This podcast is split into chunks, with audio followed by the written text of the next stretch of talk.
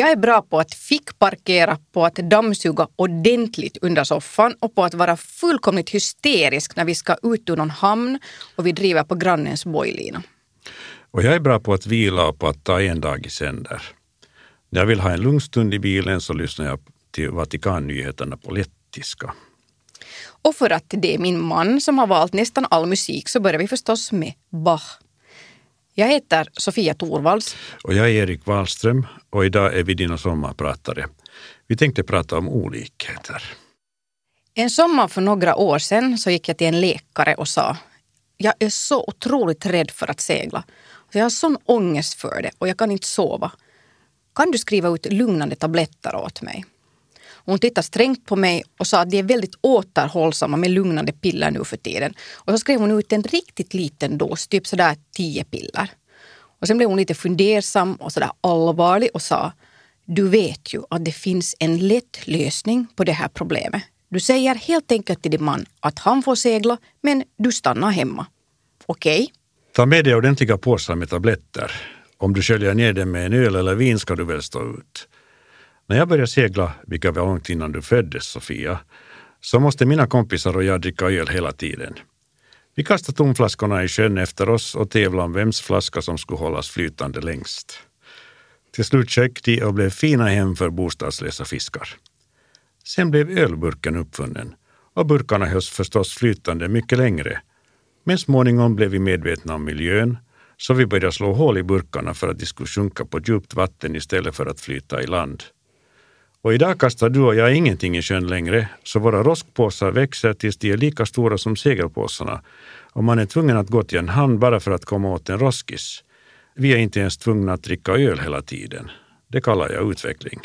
Jag seglade med mina morföräldrar när jag var liten, men då sken solen alltid och vi seglade aldrig långt. Jag visste ingenting om att segla, men när jag blev vuxen så tänkte jag ändå att det skulle vara toppen med en segelbåt. Och jag var stolt över mina morföräldrar för att de var långfärdsseglare. Och jag ville ha den där auran av solbränna och mod som omgav dem.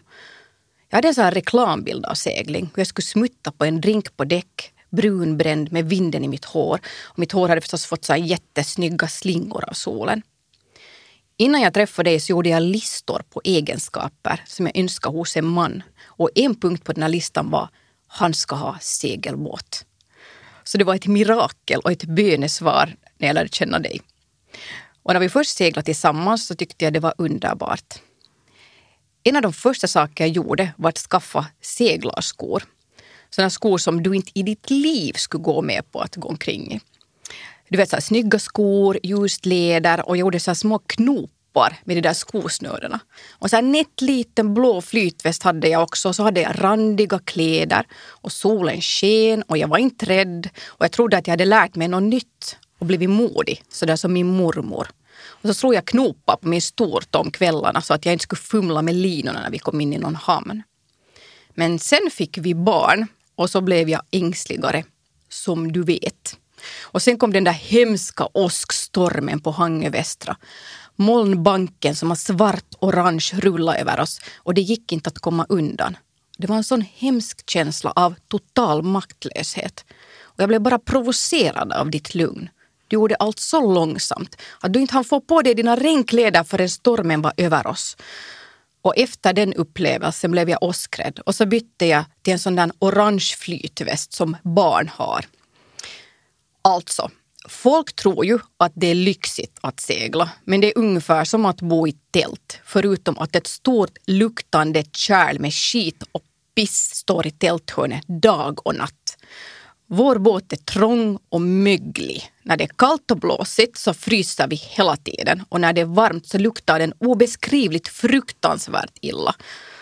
Roligast är det att komma till en hamn med dusch, att veta att man får stanna där i flera dagar och att alla andra har längre mast än vi, så att blixten träffar dem istället. Och det jobbiga är att gå i duschen och sen vira in sig i en handduk som borde vara ren men ändå luktar mögel och piss. Oftast när vi seglar så drömmer jag om att ta in på hotell. Att vår båt skulle lukta fruktansvärt? Nej, nej, gamla båtar doftar gott. Det är en olfaktorisk cocktail. Du glömde nämna myggspiralen och dieseloljan, de bidrar också till cocktailen. Jag önskar att det fanns en parfym med båtdoft som man kunde spraya hemma. Dusch! Varför ska man i hamn för att ta en dusch? Vi seglar ju omkring i Guds stora badkar hela tiden. Vad är det för fel med det? Om man kan ankra när som helst, var som helst, har man en stor frihet. Där sitter man i sittbrunnen och äter sin smörgås och tittar på fåglarna medan vinden hjälper till att svänga båten så att utsikten växlar. Det är så enkelt jämfört med att förtöja i en hamn eller mot en klippa. Inget bråkande med akterlina, förlinor och fändare och grannar. Och gratis dessutom. Man måste förstås investera i ordentliga ankardon. Men en bilmänniska känner sig osäker när man inte står stilla på en ordentlig parkeringsplats där varje bil har sin egen ruta och det finns en hamburgerrestaurang i närheten och där utryckningsbilen kommer snabbt fram om blixten skulle slå ner. Bilmänniskan får handpanik och kör för full gas för att hinna få en bra plats eller kanske en plats överhuvudtaget. Det är samma stress som man har för att hinna till jobbet i tid. Bäst är det om man inte har bråttom. Om man inte behöver vara på ett visst ställe en viss tid. Och alla seglare vet att riskerna ökar när man har en fast tidtabell som man måste hålla oberoende av vädret.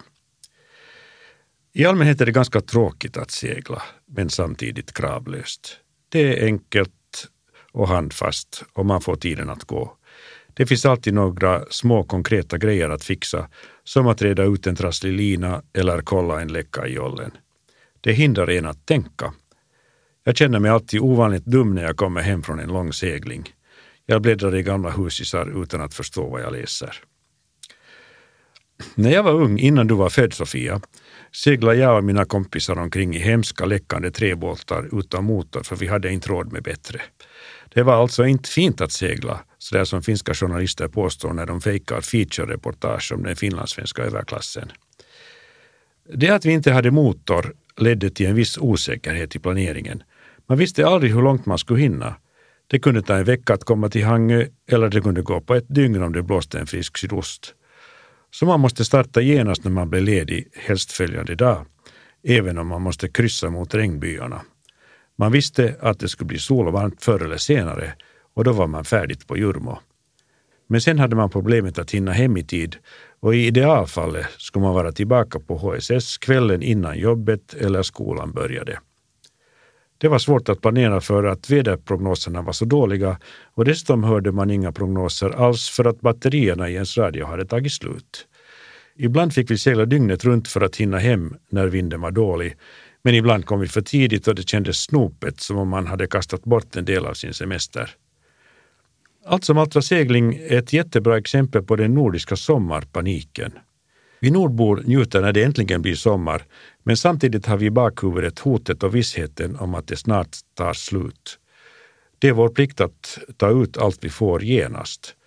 Svalorna flyttar snart söderut, det mörknar och så har ett år gått igen, till spillo. Man har inte hunnit slappna av och blomma upp. Det har skrivits tusentals dikter om det här och alla är sanna fast alla är inte bra.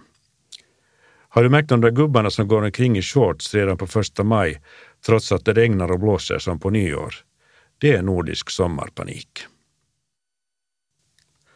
Vår familj hörde till Frälsningsarmén. Vi barn blev lärda hur viktigt det var att vittna frimodigt om vår tro och stå på sig. Man skulle vara beredd på att bli förföljd för Kristi skull, men man skulle hålla ut. Det var hårda, totalitära krav, men i efterhand har jag insett att det också var befriande. Jag slapp en viss typ av ångest som plågar barn i dagens skola.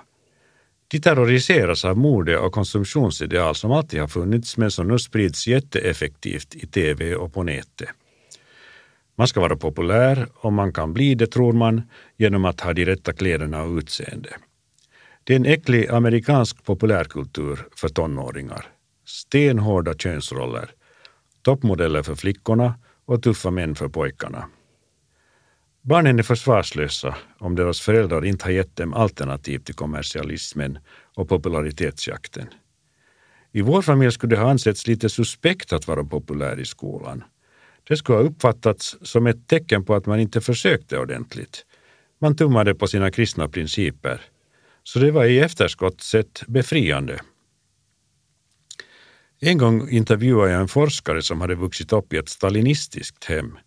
Det visade sig att hans familjekultur var samma som min, men de hade en politisk istället för religiös ideologi.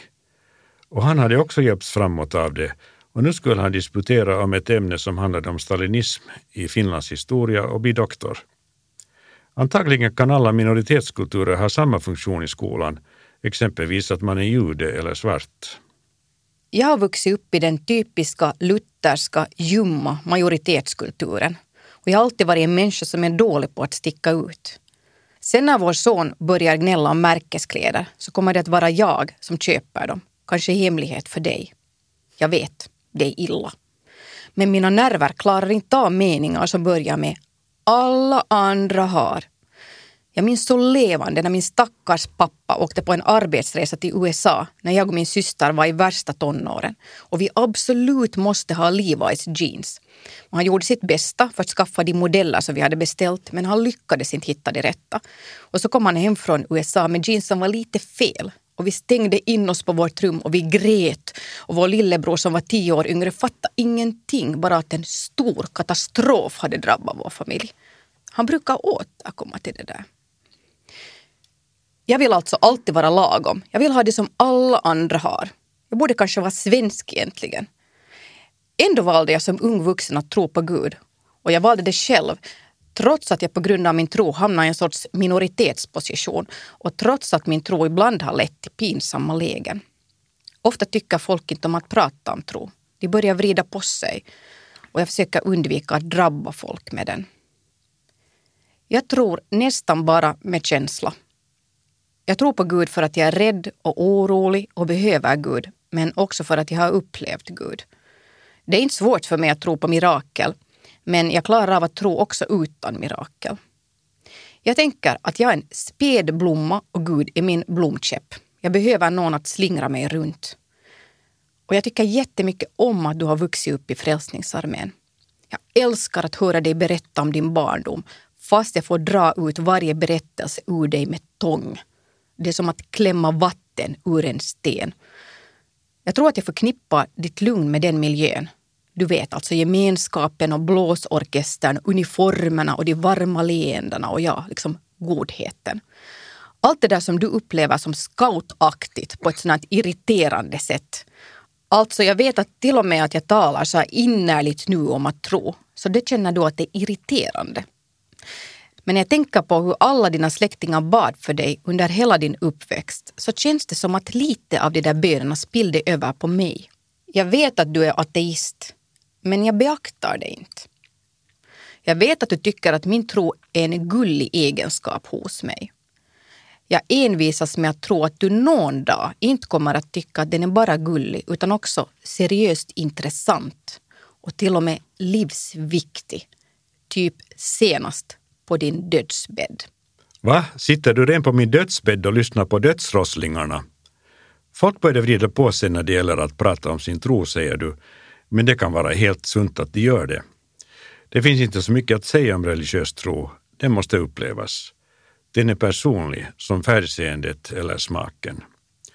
Orden tar snabbt slut, språket går över till poesi eller till vinkännarnas fantasifulla metaforer om vinernas bouquet och eftersmak.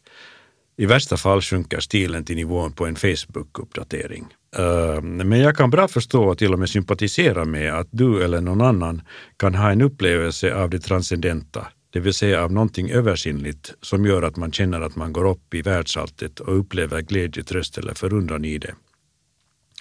Det är vad mystiker har försökt genom tiderna i alla religioner, men de har kämpat mot språket. Det här är en av de där grejerna som man inte kan tala om. Som Wittgenstein säger, det som man inte kan tala om, det måste man tiga om. Om man försöker klä en sån här primär upplevelse i ord skapar man en korsett kring den. En korsett av dogmatik, regler och institutioner. En kyrka. Det spontana glädjestrålande vittnesbördet om frälsning blir rutin. Tungomålstalande övergår i förberedd teater där skådespelaren är sin egen regissör. Det är lättare att säga vad religion inte är än vad den är, samma som med Gud själv. Kyrkan har försökt slå fast vad kristendomen är i sina lärosatser, men det har alltid skitit sig till slut. Man har klämt ihjäl sig i sin egen korsett. Folk har bränts på bål för att de har haft fel åsikt om någon godtycklig lära som treenigheten. I dagens finlandssvenska lutherska kyrka är det förstås inte så, utan man följer med den allmänkulturella strömmen, ibland lite före, ibland lite efter. Jag är en stor fan av vår kyrka själv. Den är en positiv kraft för den liberala finlandssvenskheten. Som utomstående hoppas jag bara att kyrkan håller fast vid liturgin och en högklassig utbildning av kyrkomusiker som kan spela Bach på orgel och inte bara kompa Vem kan segla förutom vind på gitarr. Konklusion.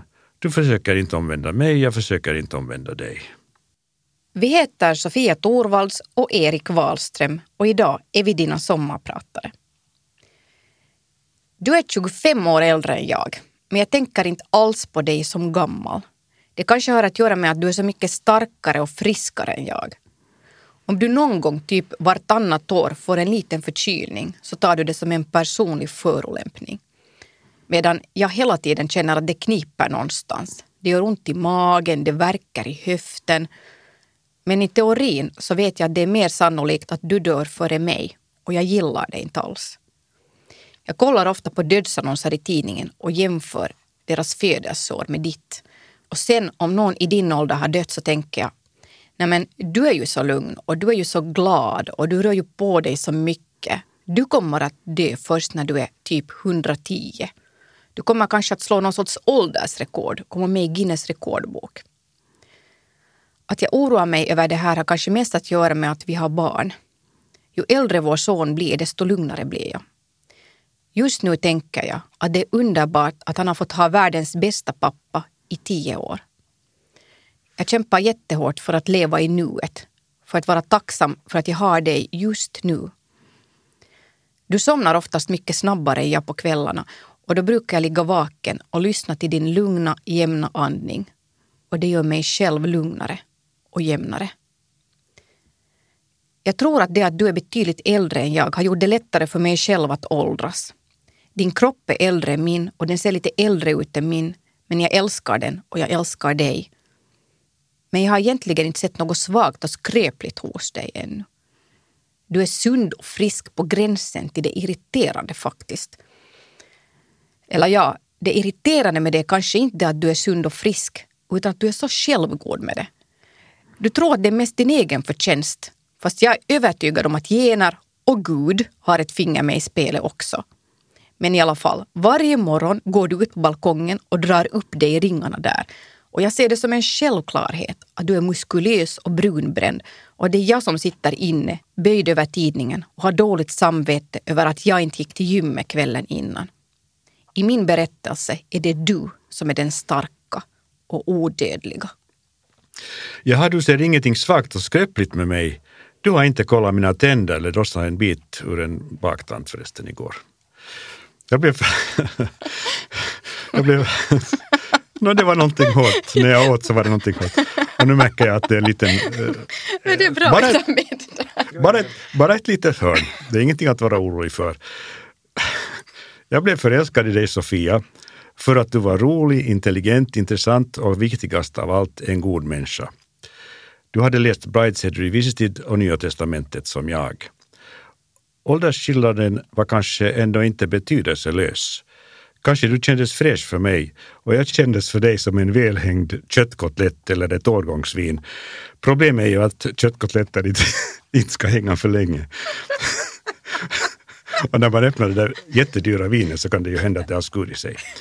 Numera har vi vant oss. Vi känner inte av skillnaden till vardags, utom kanske när det gäller praktiska saker som att du hela tiden ska ränna på jobb. Av och an, av och an.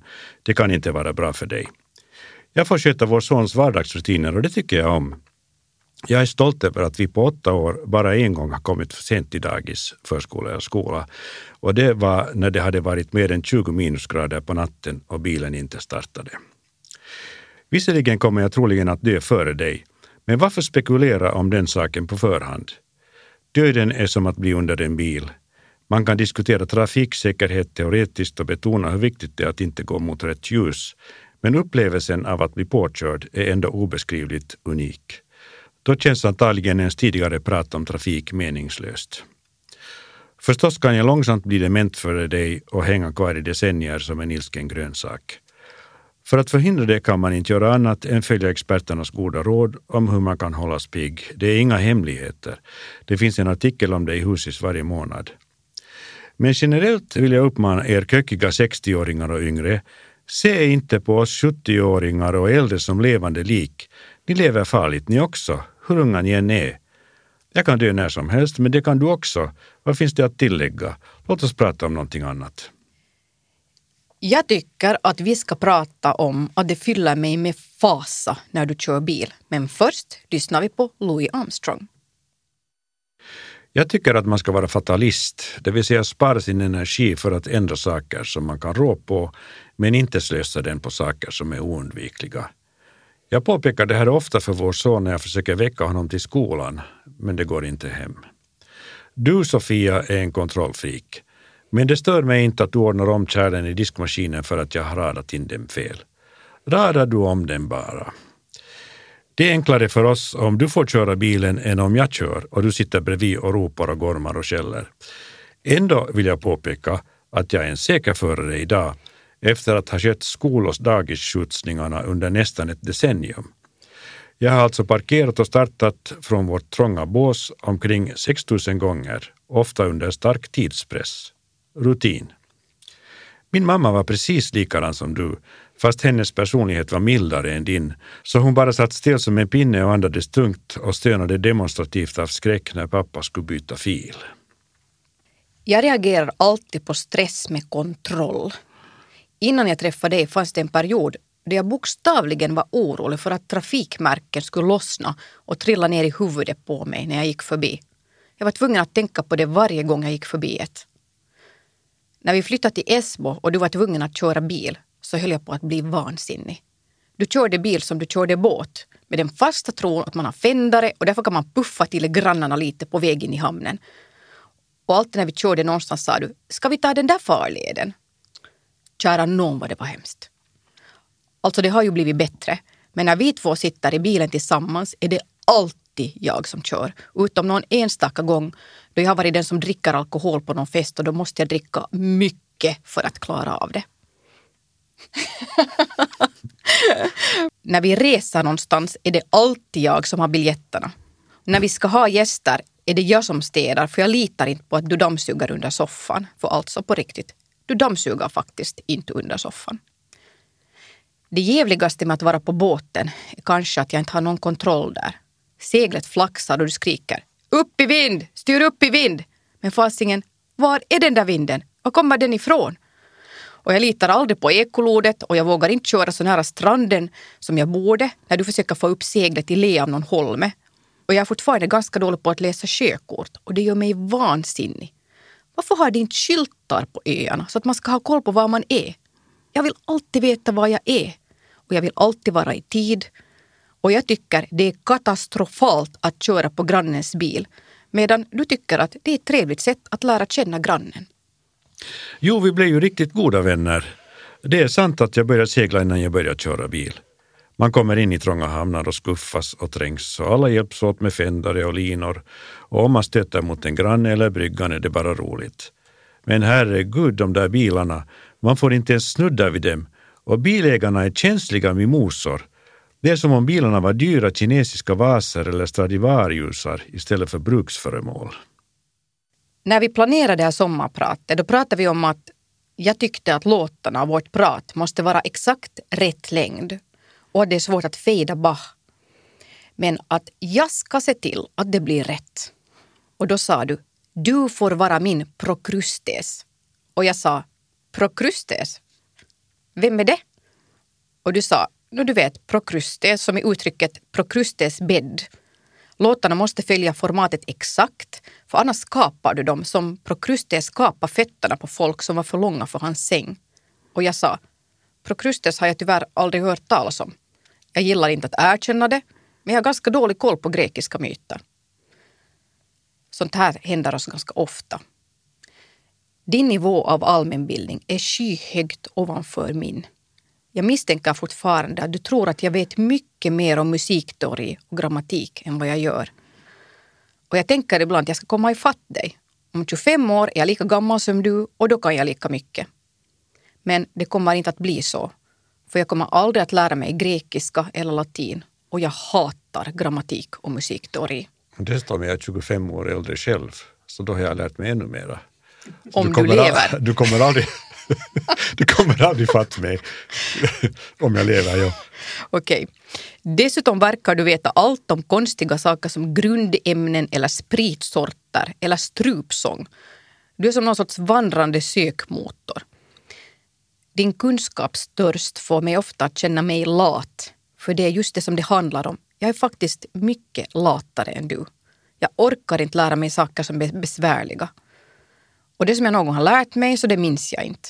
Och vad jag skäms över att jag inte kan någon franska, fast jag har läst franska i fem år.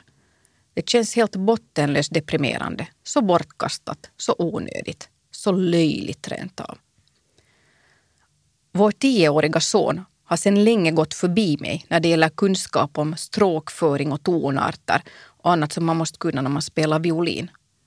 Han är tyvärr lat som jag, men med oändlig energi, stenhård beslutsamhet med hjälp av list, mutor och direkta order så har du övertalat honom att lära sig.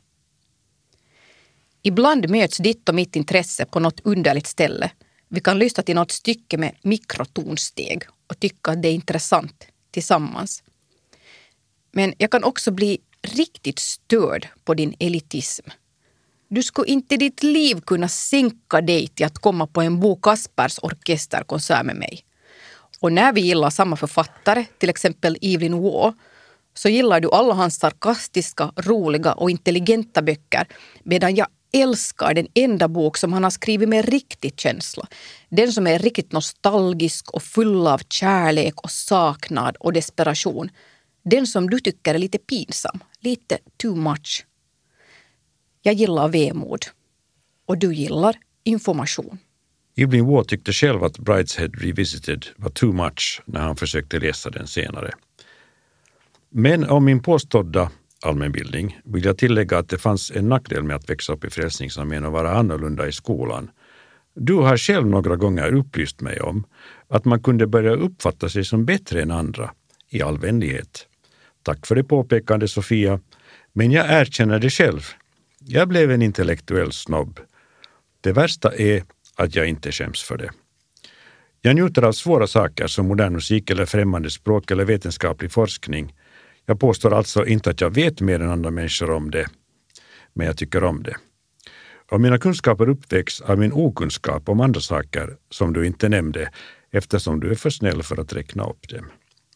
Så jag vet ungefär lika mycket som finlandssvenska äldre herrar i medeltal men det jag vet om har prestigen från gammaldags klassiska traditioner som kan verka fina utan att vara det i verkligheten och som håller på att dö ut.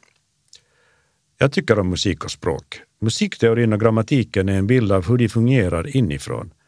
Det är som att öppna ett gammalt vackert fickur och se hur de små kugghjulen går runt och griper in i varandra och tickar. Jag förstår inte skräcken för teori och grammatik som finns i skolutbildningen. När barn inte behöver lära sig grammatik av rädsla för att deras känsliga själar ska ta skada betyder det också att man inte kan diskutera språk med dem. Det blir ett handikapp om man försöker prata om ett språk som finskan, som är lite avvikande från vad svenskspråkiga har vant sig vid. Alla de där kasusarna, de har ju ett namn för fan, men det är fullt att nämna det.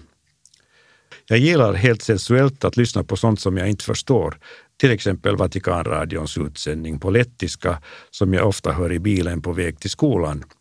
Likadant med modern musik. Jag tror att folk misstar sig om modern musik för att de tror att de borde förstå den och så gör de det inte och så tror de att de är omusikaliska. De tror att den är för fin för dem och att de vet för lite om musik. I verkligheten vet de ofta för mycket de vet hur musik ska låta och de kan inte nollställa sig när de hör någonting som låter annorlunda. Så de kan inte lyssna rent sensuellt med bara öronen. Dessutom är modern musik inte fin.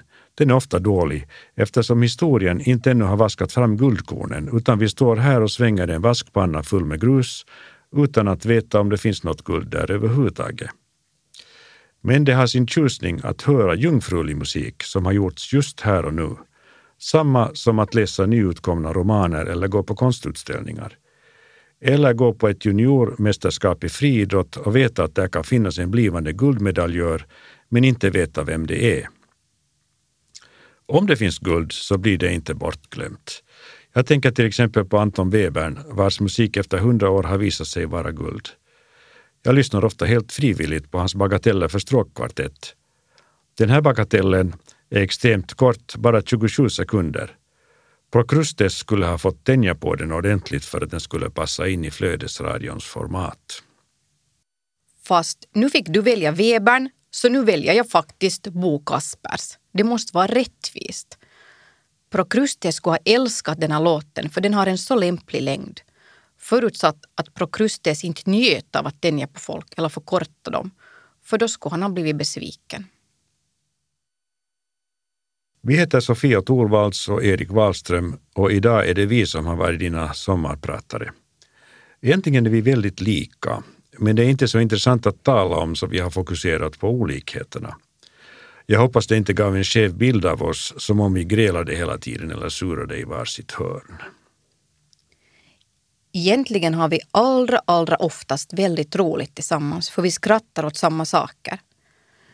Och gällande den här sista låten vill jag alltså påpeka att det är jag, Sofia, som har valt den. Det är Frida Andersson och Bo Sundström som sjunger Drömlänges. För mig handlar den här låten om kärlekens trygghet. Och jag börjar alltid gråta när jag hör den. För jag tänker, det är ju det här som jag har.